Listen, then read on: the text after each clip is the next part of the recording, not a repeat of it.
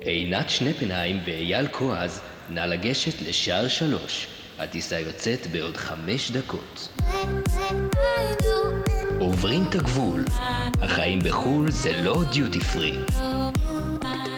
שלום וברוכים השבים אה, לעוברים את הגבול, החיים בחו"ל זה לא דיוטי פרי, החיים בארץ הם גם כרגע לא דיוטי פרי. שלום עינתי. היי אייל.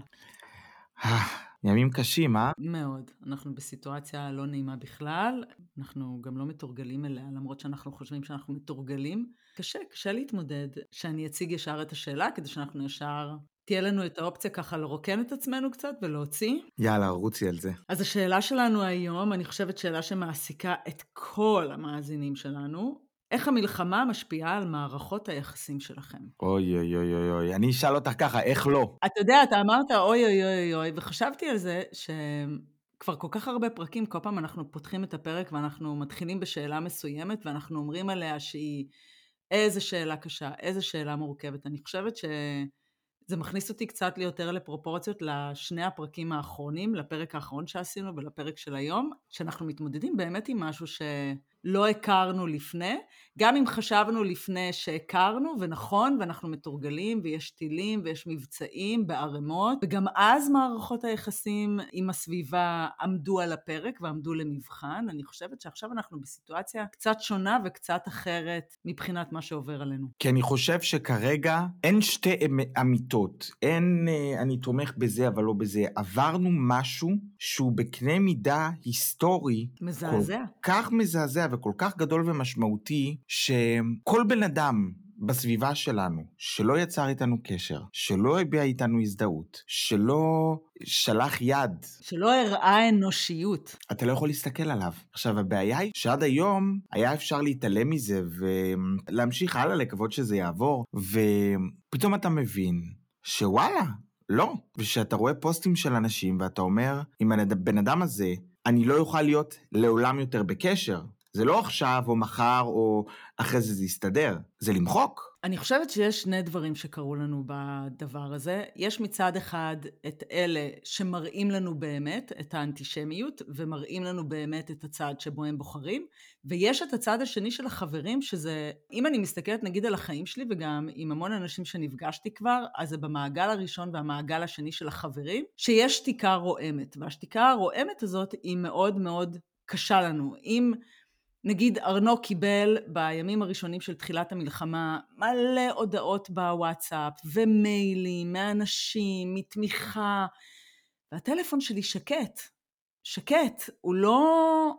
הטלפון שלי אין לו שום היבובים, אין שום הודעות, אין כלום, והוא יום אחרי יום אחרי יום חוזר הביתה ומראה לי את כמות התמיכה שהוא מקבל, ואני אומרת, וואו, אשכרה אנשים חושבים עלינו. ואז מצאתי את עצמי השבוע באיזשהו אירוע קטן של החברה שלו, והגיעו גם חברי הילדות שלו, ובאיזשהו מקום כאילו בציפייה שלי הייתה שאולי ייתנו לי חיבוק וישאלו אותי, עכשיו שהם רואים אותי פנים מול פנים, ישאלו אותי מה שלומי ומה שלום המשפחה שלי.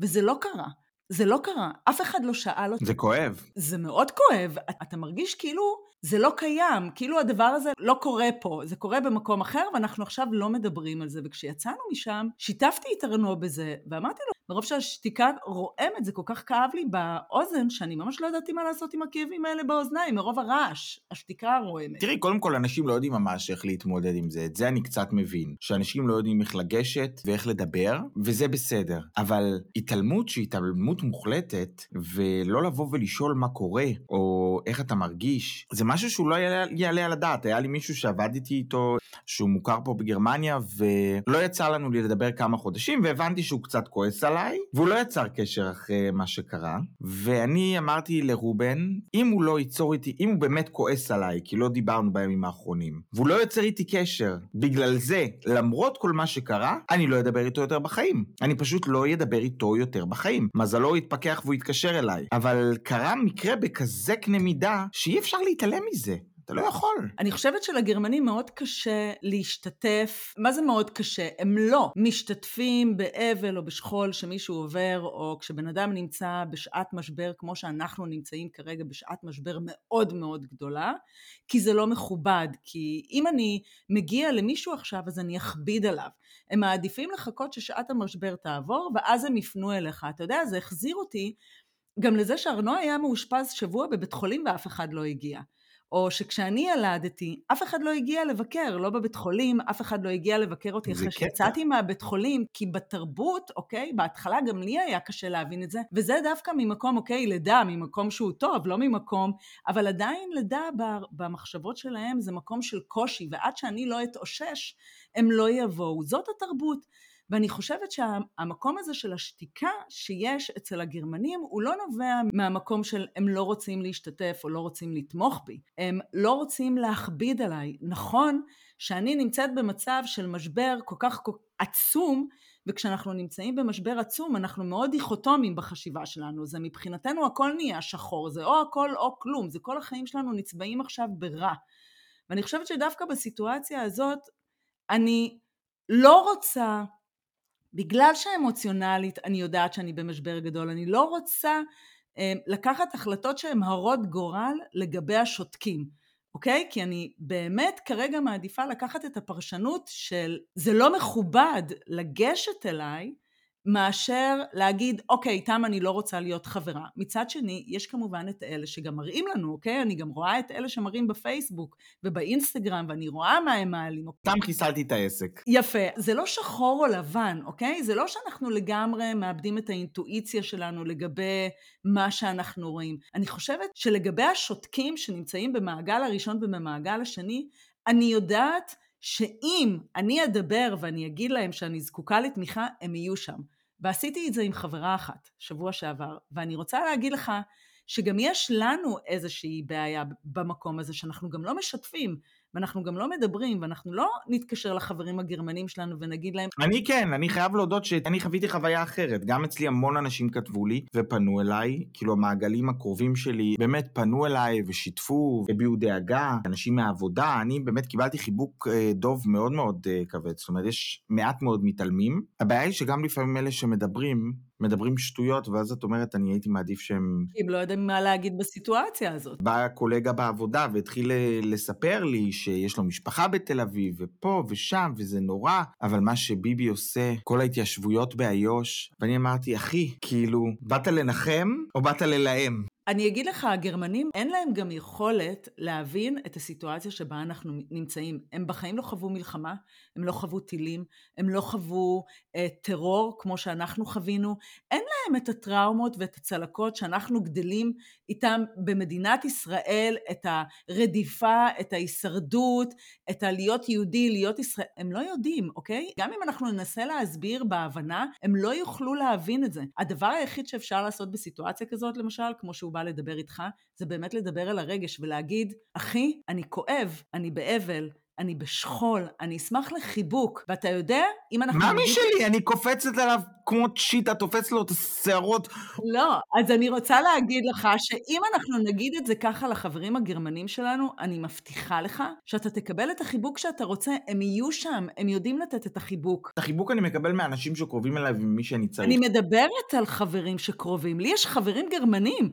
כל, רוב החברים שלי הם גרמנים, מעגל שלי? ראשון, מעגל שני, אני לא מדברת על אנשים רחוקים שאני לא מכירה. שבוע שעבר ביום שישי הייתי ביום הולדת שהוזמנתי אליה, דיברתי עליה בפרק הקודם, והגעתי, ובדרך נסעתי במונית. ובדרך באובר, פתאום חשבתי, שיט, כתוב השם שלי, אייל קואז. הנהגים תמיד מדברים איתי, הנהג קוראים לו מוחמד, ואני אומר, ומה אם הוא יודע שאייל זה שם ישראלי? ומה אם הוא ישאל אותי מאיפה אני מגיע? ומה אם הוא יתחיל לחקור אותי? אז מהפאניקה פתחתי את הפלאפון והחלפתי את השם שלי בכל האפליקציות של המוניות לשם גרמני, יאן וגנר. סיטואציה קשה. מאוד קשה, גם התקשרתי לרובן, הוא לא ענה לי כי רציתי לדבר איתו בגרמנית, פחדתי שהנהג יתחיל לדבר איתי. מה שהיה לי התקף חרדה, ואז אני יורד מהמונית, מסוחרר, נכנס ליום הולדת, מתיישב, שואלים אותי מה קורה, ואני, הפנים שלי לבנות ציד, ואני משתף אותם, אני אומר להם, אני אשכרה החלפתי עכשיו את השם שלי באפליקציות כי אני מפחד. מסתכלים עליי, ואז אומרת לי הגרמניה התורנית, אבל זה בטח גם מאוד מפחיד להיות פלסטינאי בגרמניה בימים אלו. ואז בן זוג שלה מצטרף, וואי, את, את וואי. כל השיחה אני אחסוך לכם. בואו נגיד שהוא יצא קרח, והיא יצאה עם ביתה בתחת. משכת להם בשערות? משכתי להם בשערות, עשיתי להם, אבל זה לא היה לי נעים, זה לא היה לי כיף. הרבה שתקו שם בשולחן, והם היו זוג, אמרתי לבעל שהוא גבר לבן, פריבילגי, שגדל, כמו שאת אומרת, בלי מלחמות, ובחיים הוא לא יכול לבוא ולשפוט את המקום שאנחנו נמצאים בו. ואם אין לו מה להגיד, אז שפשוט יסתום. אתה מבין את הבעיה? אני לא חושבת שהם יכולים להבין את המקום הזה. המקום היחיד שהם יכולים להבין כרגע זה רק, ואני אומרת לך, אני ניסיתי את זה, זה עובד, זה רק מהמקום הרגשי של לבוא להגיד, אני נמצא באבל ובשכול, אני מעדיף לא לדבר על זה כרגע, על פוליטיקה. אם אתה רוצה לתת לי משהו בתור חבר, זה חיבוק ותמיכה. הבנה, אנחנו צריכים לחפש אצל חברים ישראלים. אני לא רציתי ממנו חיבוק, אני רק רציתי לשתף שעכשיו החלפתי את השם שלי באפליקציה, לא אז מה זה רציתי. אם אני לא מש... אבל אם אני נכנס ואני משתף בפחד שכרגע עברתי, מה אני מחפש? אני מחפש תמיכה, נכון? אתה לא משתף את הפחד שלך בשביל שיתעלמו ממך. נכון. הסיטואציה הזאת, בגלל שגרמנים לא מבינים אותה, אין יכולת להבין אותה, אייל, אין יכולת להבין אותה, כי הם לא חוו את זה על בשרם. המקום היחיד שנשאר לנו כרגע זה רק לדבר על, על הרגש, וזה בסדר ומותר להציב את הגבול ולהגיד, אני כואב, אני באבל, אני בשכול, אם אתה רוצה אתה יכול לחבק אותי, מעבר לזה, אני לא רוצה לדבר יותר על כלום. אפשר להגיד לך משהו מאוד קיצוני? תגיד לי משהו קיצוני. אני מחקתי אותם. שדיברנו על זה, זה הגיע לאיכשהו לדיבור על הבית חולים ובשיחה, ואז אה, אני אמרתי, ישראל הוכיחה שזה לא, ישראל, שזה לא אנחנו, אז אמרו, אבל הם אומרים שזה לא הם, אז איך אפשר לדעת למי להאמין? ואז אמרתי, שנייה, עומד ארגון טרור ועומדת מדינה דמוקרטית, ואתם מעלים את זה עם סימן שאלה? זה זעזע אותי, אני גם שלחתי להם הודעה כמה ימים אחרי זה, שזה היה מתחת לכל ביקורת, ושזה מאוד פגע בי, השיח הזה.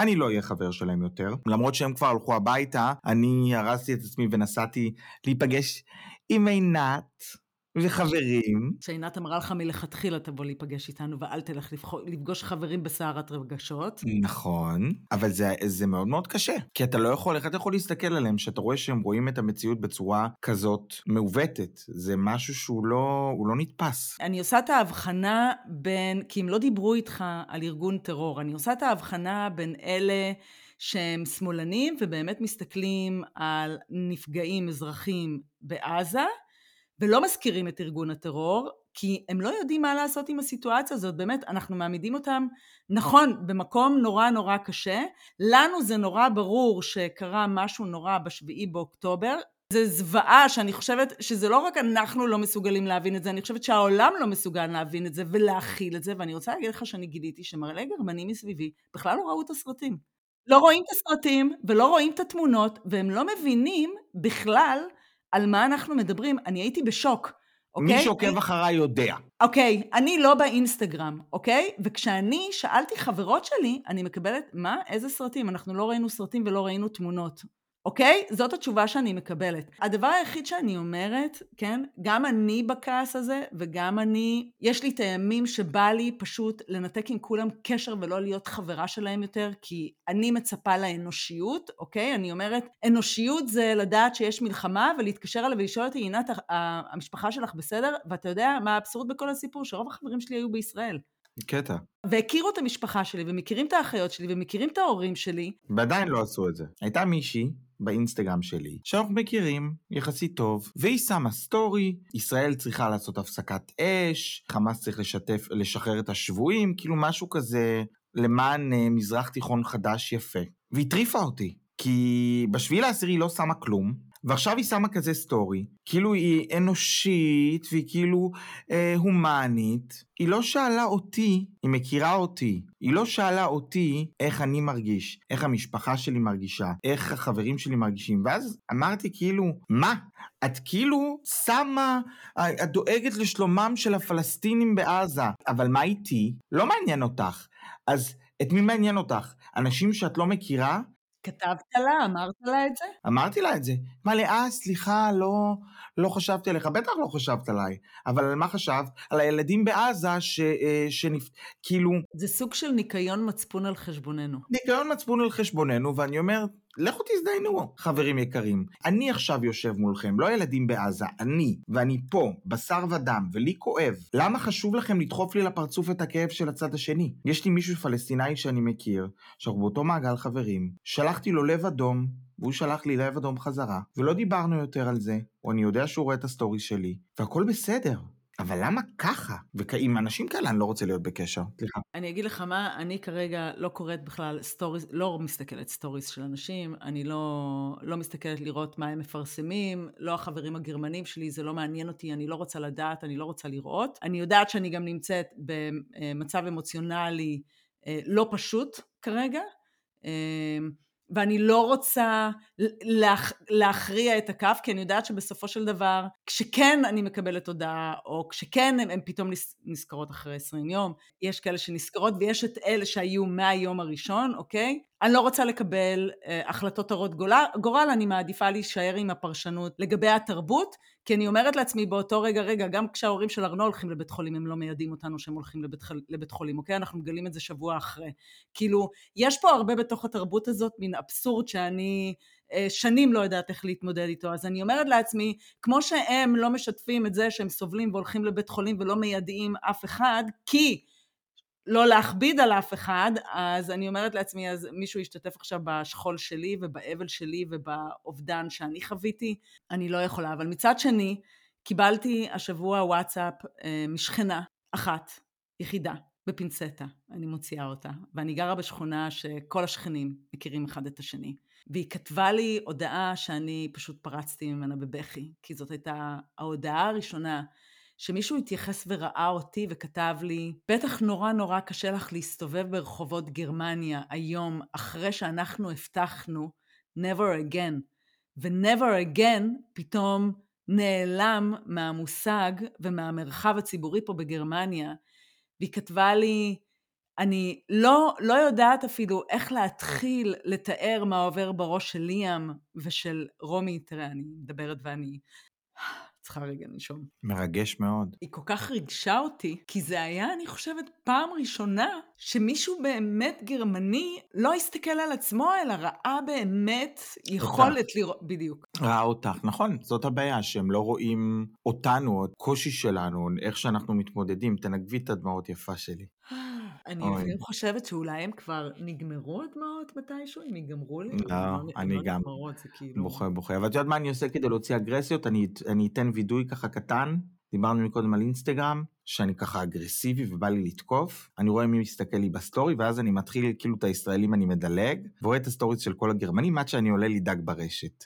שעולה לי דג ברשת. אתה הולך למשוך לו בשערות. את כל האגרסיות של כל היום אני מוציא. אני אגיד לך מה קרה לי עם השכנים שלי. אני מגיעה עם האוטו, אני מחנה, ואם אני רואה איזה שכן, אני מתעסקת בפלאפון.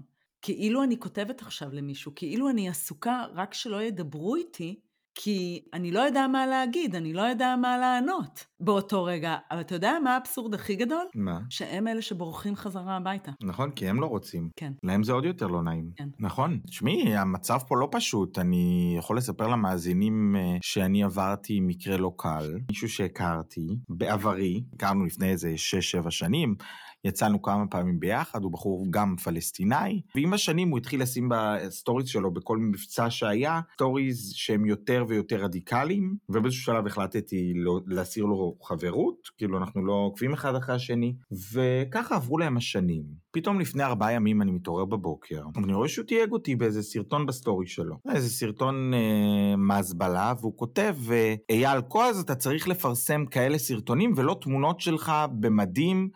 בזמן שמתרחש genocide בעזה. קודם כל ראיתי שחור, כי יש לנו מלא חברים משותפים, הוא משתף את זה בסטורי שלו עם השם שלי. זה בהלה. בהתחלה אמרתי אני אתעלם, אני לא אגיב, ואז אמרתי, למה שאני אתעלם? הוא משפיל אותי בצורה, או מנסה להוכיח אותי בצורה ציבורית, כותב דברים לא יפים על המדינה שלי, וניסחתי טקסט מאוד יפה, יחסית רגוע, ותייגתי אותו ושלחתי את זה לדרכו. הוא הגיב לי בעוד כמה סטוריז אה, עצבניים, אני החלטתי לא להגיב יותר וחסמתי אותו. כנראה שזה שחסמתי אותו שיגע אותו, והוא פרסם את התמונת פרופיל שלי, עם השם שלי, וכתב שאני גזען, פשיסט, שלובש אה, מדים, מתרברב בתמונות שלו עם נשק, בזמן שבעזה מתרחש אה, genocide. חשוב להזכיר שהתמונת מדים שאתה העלית, זה היה תמונה של אח שלך? נכון. בק עם אימא שלך, כי אח שלך גויס לצבא. נכון. הוא חשב שזה אני, או מישהו שלח לו את זה, הוא חשב שזה אני, ובעצם שם לי מטרה על הגב. בימים הטרופים האלה, שמישהו מעלה את התמונה שלי עם השם שלי, עם כל הפרטים שלי, עם לינק לפרופיל שלי. פחד אלוהים. רובן במקרה ראה את זה ארבע שעות אחרי שהסטורי כבר היה באוויר. חבר משותף שלנו ניסה לכתוב לו ולבקש ממנו להוריד את הסטורי. הוא סירב, ואני החלטתי להגיש תלונה במשטרה. כמו שצריך. היה לי קצת חשש שהם לא ייקחו את זה ברצינות. כאילו אינסטגרם וזה, והגענו לתחנת המשטרה. וזה לקח המון זמן, חיכינו וחיכינו וחיכינו, ואז שאלתי את השוטרת כמה זמן זה עוד ייקח, כי לא רציתי כל כך לחכות, והיא אמרה לי, הסתכלה לי בעיניים והיא אמרה לי, תקשיב, הסיבה שאתה פה היא מאוד מאוד חשובה, ואני מבקש ממך להישאר ולהגיש את התלונה הזאת. זה חשוב. ונשארנו והגשתי את התלונה, ו...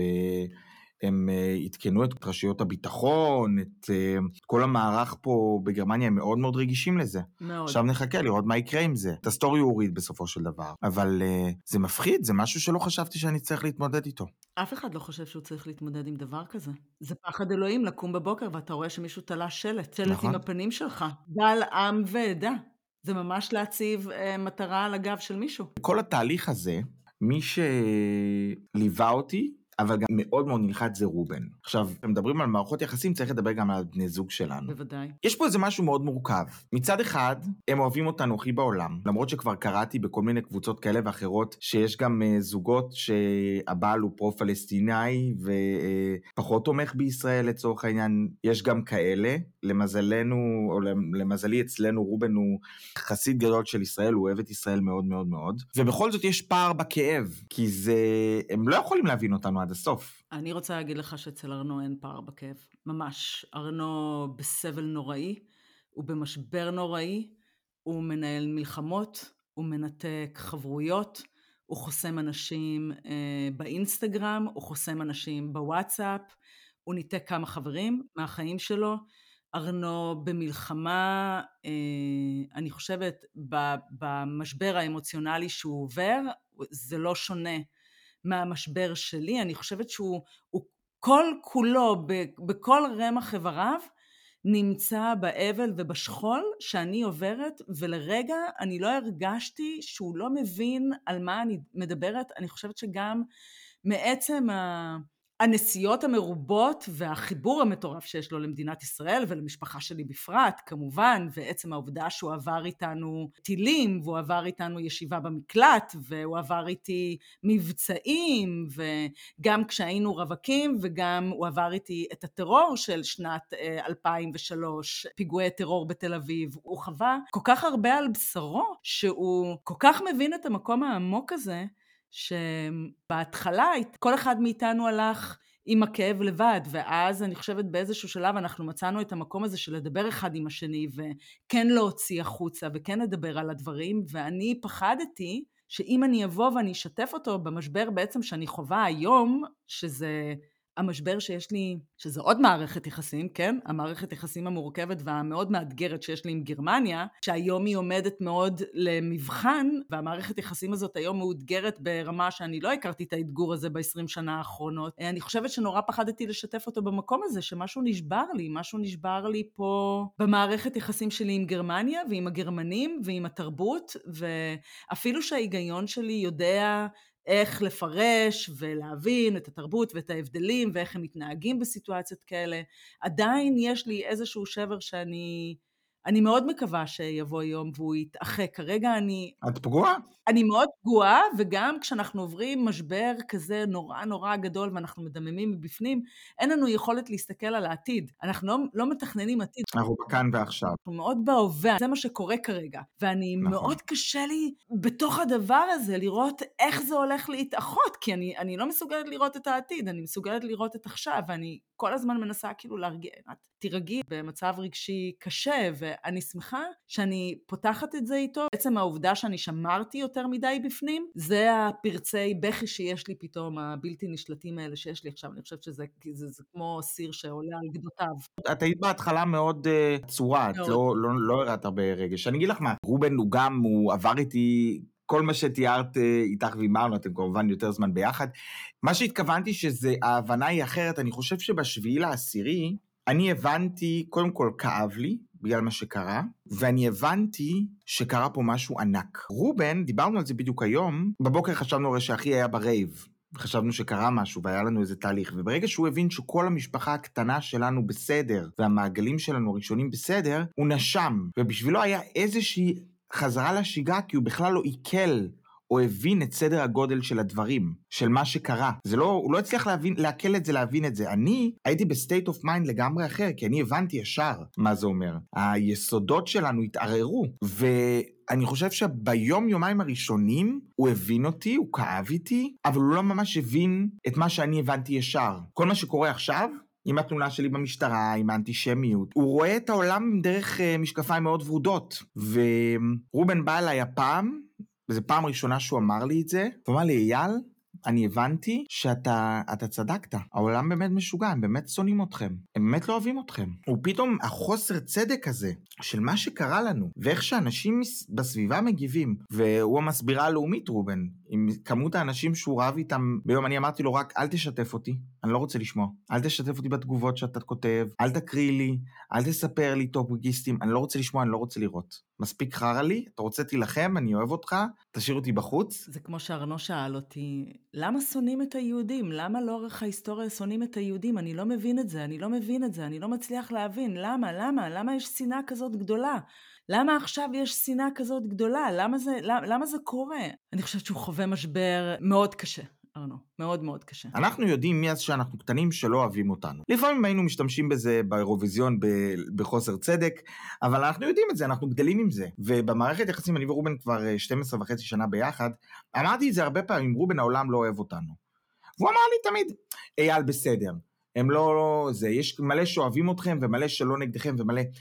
כמו שאמרתי מקודם על שאר מערכות היחסים, קרה פה משהו כל כך מובהק, הפשע שהם עשו, הוא כל כך נורא, שכששמים מולו את התגובות האלה של הסביבה, אתה מבין שהם באמת לא אוהבים אותנו.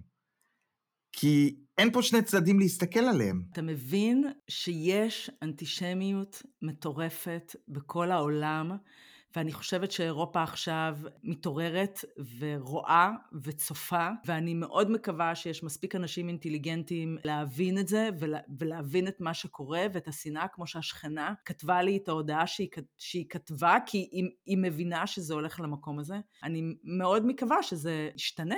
מאוד מקווה. ועוד פעם, אני אומרת, במערכת היחסים שלי עם עצמי, אני כרגע נמצאת בהווה, אז אני לא ממש יכולה להתעסק בעתיד ולהבין מה קורה בעתיד. אני יכולה להגיד לך, אבל על זה שאתה אמרת שאני הייתי עצורה בהתחלה. אני חושבת שמה שקרה לי בהתחלה זה שאני מאוד נפלתי למקום הזה של הלבד. של אני נמצאת לבד עם מה שאני חווה, עם מה ש... את מה שאני מרגישה. את גם היית בניו יורק שהכל קרה. אני גם הייתי בניו יורק שזה הכל קרה, ואני חזרתי לפה, ואני חושבת שאני כל כך הייתי עסוקה בלתת עזרה למשפחה שלי ולאחיות שלי ולחברים שלי בישראל, ולזה שאני אה, מיד פתחתי את הקו סיוע לישראלים בחו"ל, ואני מיד שמתי את עצמי בפרונט, והייתי נורא עסוקה ברגשות של אנשים אחרים. אני פתאום שמתי לב שאחד הדברים שאנחנו עושים לעצמנו, וזה במערכת היחסים שלנו עם עצמנו, המקום הזה של הלבד, שאנחנו משאירים את עצמנו לבד, זה בגלל שאנחנו לא משתפים את מה שעובר עלינו ואת מה שאנחנו מרגישים עם המשפחה שלנו בארץ. כי מצד אחד אנחנו מופעלים דרך רגשות האשם שאנחנו גרים בחו"ל, ואצלנו נכון. כביכול, כביכול אני עושה במרכאות כפולות, הכל רגוע פה, מה שבכלל לא, אז אנחנו לא רוצים להפיל עוד משקל ועול על המשפחה שלנו, בעצם אנחנו עושים כמו הגרמנים. זה גם מרגיש מגוחך. כשאני אומר לאימא שלי, יש לי התקף חרדה, אני לוקח uh, כדור uh, הרגעה שהיא נמצאת בישראל, איפה שהרקטות עפות ורצה לזה, ואני נמצא בגרמניה שהשמש זורחת, והיידי מקפצת לה בין הערים. זה בדיוק העניין, אנחנו לא משתפים את המשפחה שלנו, שאנחנו בעצם כואבים בדיוק כמוהם, ואנחנו עוברים אבל ושכול בדיוק כמוהם, ואנחנו חלק מהדבר הזה, גם אם אנחנו נמצאים במקום אחר על הגלובוס. ומה שאנחנו עושים לעצמנו בסיטואציה הזאת, זה אנחנו משאירים את עצמנו לבד. ואני חושבת שרוב האנשים, לא משנה איפה הם נמצאים בעולם, התחושה הזאת של הלבד, וה... של רק אני, הם מרגיש את מה שאני מרגיש, ורק אני עובר את מה שאני עובר, ואין אף אחד שנמצא פה לידי ותומך בי ועוזר לי, אנחנו בעצם עושים את זה לעצמנו. ואנחנו צריכים כן ליחצן את מה שאנחנו מרגישים ואת מה שעובר עלינו. ואתה יודע, דיברתי היום עם אמא שלי, ואני החלטתי שהיום אני אומרת לה מה אני מרגישה, וגם לאימא שלי פרצתי בטלפון, פעם ראשונה מאז תחילת המלחמה, והרשיתי לעצמי, ואני חושבת שזאת הייתה הפעם הראשונה שהיא הבינה לא מלקקים דבש בחו"ל. אני אפילו, אני אגזים ואומר שלדעתי ברמה הנפשית, מה שאנחנו עוברים פה הוא אמ, יש בו משהו אולי יותר קשה ברמה הזאת שאנחנו לבד. שאנחנו, יש לנו את הכאב הזה, ואנחנו לבד. כולם חיים רגיל, ורק אתה מרגיש כמו שאתה מרגיש. ברור, בישראל הם כולם ביחד, הם ברחוב, נכון? בסופר, בבית, עם המשפחה, עם נכון. החברים, ואנחנו, אין לנו את זה פה ברחוב. אנחנו חולקים את הכאב ואת השכול עם הישראלים בישראל, ומצד שני, אנחנו פה סובלים כיהודים, ויש לנו איזשהו פחד היום כיהודים, בגלל שהאנטישמיות עולה. ואני רוצה להגיד לך, אבל אני אחזור רגע לשיחה שהייתה לי עם אימא שלי, ואחרי שאני פרקתי לאימא שלי, אני חושבת, זאת הייתה הפעם הראשונה שהיא הבינה שוואו, קשה לי באותה מידה כמו שקשה לה, למרות שאני לא נמצאת בישראל ואני לא שומעת את האזעקות ואני לא נמצאת במצב מלחמה, ואני רוצה להגיד לך שמשפטים כמו מה אכפת לך, במילא את נמצאת שם ואצלכם החיים יפים, או איזה מזל יש לך שאת חיה במדינה אחרת. אני חושבת שלנו, כאנשים שגרים בחו"ל ושומעים את המשפטים האלה, איזה מזל יש לך שאת גרה במדינה אחרת, זה סוג של ביטול למה שאנחנו מרגישים. נכון. ואת המשפטים האלה אנחנו שומעים. למה אנחנו שומעים אותם? כי אנחנו לא משתפים. אנחנו לא משתפים בכאב. אם אנחנו נשתף את המשפחה במה שעובר עלינו ומה שאנחנו מרגישים, אנחנו לא נשמע את המשפט איזה מזל יש לכם שאתם גרים בחו"ל. כי כרגע אין מזל בדבר הזה. אנחנו יותר בכעס ורגשות אשם, ועצם העובדה שאני מסתובבת ברחוב ואני רואה שאנשים, לא אכפת להם. הם ממשיכים, הם ממשיכים הלאה, בזמן שאני בתוך תוכי נשרפת ובוערת ומדממת ופצועה. איזה מזל יש לי בלהיות פה. אני אתמול דיברתי עם חברה שלי, חן, היא, היי לאז'י, היא אמרה לי שהיא בים עם חברה, והיא אמרה, יואו, תראה לנו מסביב, בגרמניה וזה, ואני מראה לה ולחברה, והיא אומרת, איזה כיף. אמרתי לה, ממי, תשמעי, מה זה כיף? אני בדיוק ישבתי אצל הספר, 40 דקות, לא פתחתי את הפה, כי פחדתי שהוא ישאל אותי מאיזה מדינה אני מגיע. פחד מוות, כי, כי הם כולם שם ערבים, ישבתי עם דפיקות לב מואצות, אבל הייתי חייב להסתפר. זה לא fun. לא. עם הכאב אתה עם האשמה גם שהחיים פה ממשיכים רגיל. רגיל והם לא עוצרים. זה דאבל. יש לנו עוד את הנדבך של הפחד היהודי. אני הלכתי לקנות אוכל כי הילדים רצו שווארמה, ונכנסתי לשווארמה לבד, ארנו חיכה לי באוטו, הוא היה בחניה כפולה, ואני נכנסת, והם מדברים ביניהם בערבית, ארבעה מוכרים, ואני אומרת לעצמי, אימא'לה, רק שלא ישאלו אותי מאיפה אני. רק שלא ישאלו אותי מאיפה אני, כי בדרך כלל אם אני נכנסת לקיוסק ויש שם מישהו ערבי, הם תמיד שואלים אותי מאיפה אני, כי הם חושבים שאני מרוקאית. ואמרתי, עינת, תריצי מהר סנאריו בראש, מה יקרה אם ישאלו אותך מאיפה את? היום סורינם לא יעבוד, את חייבת להיות קצת יותר זה. ואז אמרתי, טוב, אני אגיד שאני חצי אתיופית, חצי סורינם, ואז אולי השיחה לא תלך לשום מקום, כי אז הם לא ישאלו אותי מאיפה סורינם, ויתחילו להגיד לה, את בטוחה. חייבתי שתגידי שאת ממרוקו ותשאירי להם, יא מאמה יא שמשיתי, לא. יא מאמה אני... לא? לא. אני לקחתי את האוכל ואני ברחתי. ואת זה שיתפתי את אימא שלי, וזה היה המקום שאימא שלי הבינה בפעם הראשונה וואו, זה לא משנה איפה אנחנו, זה לא משנה איפה אנחנו. הסבל והקושי והפחד והחרדה והדאגה הם בכל מקום, לא משנה איפה אנחנו על הגלוב. והלבד, זה שאתה צריך לבד. בתקופה כזאת מחורבנת, להיפרד גם מאנשים בחיים שלך שאולי אהבת ואולי אה, זה, זה באסה. תשמעי, זה באסה שחוץ מהאובדן, וחוץ מהחוסר ביטחון, וחוץ ממה שקורה בארץ, וחוץ מה שזה, אז אתה גם צריך, אה, צריך להתמודד עם זה. זה, זה מאוד מאוד מתסכל. זה מאוד מאוד מאוד מתסכל. ואם אנחנו נסכם, אז זה משפיע מאוד על המערכות יחסים שלנו, זה משפיע גם על המערכת יחסים שלנו עם עצמנו. אני רק הייתי אומרת, לא לקבל החלטות הרות גורל בסיטואציה שבה אנחנו נמצאים כרגע. והדבר הכי חשוב... אני אומר לקבל, כל מי ששם משהו לא לעניין, תחסמו אותו, תעיפו אותו מהחיים שלכם. זה משהו אחר. אני מדברת על השתיקה, ואני אומרת, עכשיו זה זמן להתקשר לכל החברים הישראלים שיש לכם, והמכרים הישראלים שיש לכם, וליצור מפגשים, וגם אם לא מכירים ממש טוב, זה הזמן לתמוך אחד בשני, כי שם תהיה לנו את ההבנה האמיתית, ושם תהיה לנו את הפריקה האמיתית למה שאנחנו חווים ואנחנו מרגישים. אתה יודע, אם אני אחשוב על אתמול, על המפגש של אתמול, שאנחנו נפגשנו בהתחלה, אה, ליאורה, אני ורובן, שישבנו שלושתנו ביחד, והייתה איזושהי הקלה בבכי, בהבנה של המקום הזה, וזה עושה טוב. זה עושה טוב, אתה עוד לא היית, אתה עוד פחדת שיקשקו לך ביצים אצל הספר, ואני רוצה להגיד לכם, זה עושה טוב לפגוש ישראלים, ממש, ממש עושה טוב. נכון. אז אה, בואי נגיד שאולי אנחנו מפסידים, ואולי המלחמה פוגעת במערכות יחסים, אבל היא גם מחזקת מערכות יחסים אחרות. לגמרי. והיא גורמת לנו להיפגש יותר ולהיקשר יותר. ולחיבורים טובים, חיבורים נכון. חדשים, ולהכיר אנשים חדשים. ולראות מי עומד לצידנו ומי לא, ולפעמים זה גם אפשר להתייחס לזה כמשהו חיובי, שמסנן לנו את הנבלות בוגדים, חארות, מנוולים. שמסביבנו. שישרף להם הטוט מחיינו. ויש מספיק כאלה. אז בנימה אופטימית זו, אנחנו שולחים לכם מלא אהבה. נאחל אה, ימים אה, שקטים, כמה שאפשר, תמיכה וחיבוק מאיתנו. נשיקות. ביי.